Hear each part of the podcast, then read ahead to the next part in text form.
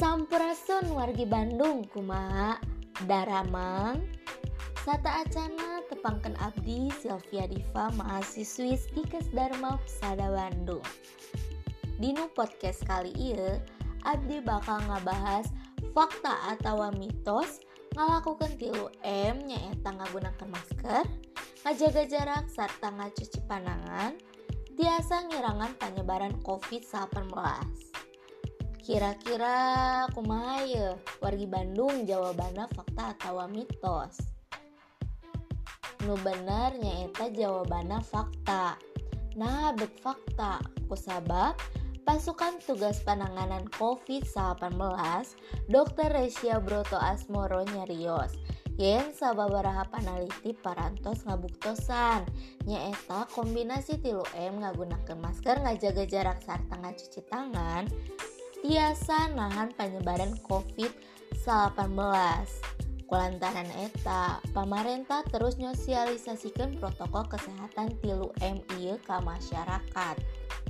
Rupa-rupa penelitian parantos ngabuktoskeun ya, yen kombinasi tilu M berhasil ngirangan penyebaran COVID-19 kanu titik panghandapna. Salah sahiji peneliti anu tos ngabuktoskeun nyaeta Kalistrom. Kalistrom nyatakan mekanisme penyebaran COVID-19 ngaliwatan sistem pernafasan paling utama lewat aerosol jadi gunana masker eta jangan blok aerosol anu memungkinkan ku orang hirup selain eta penelitian perantos mendakan yen hiji jalma jeung hiji jalma lainna anu ngajaga jarak lewih handap. Resiko terkena pemaparan COVID-19 atau napi resiko infeksi.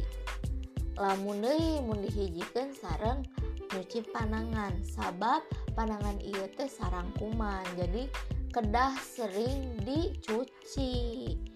Nah informasi ieu di dapatkan di nusumber tribun.com Jakarta.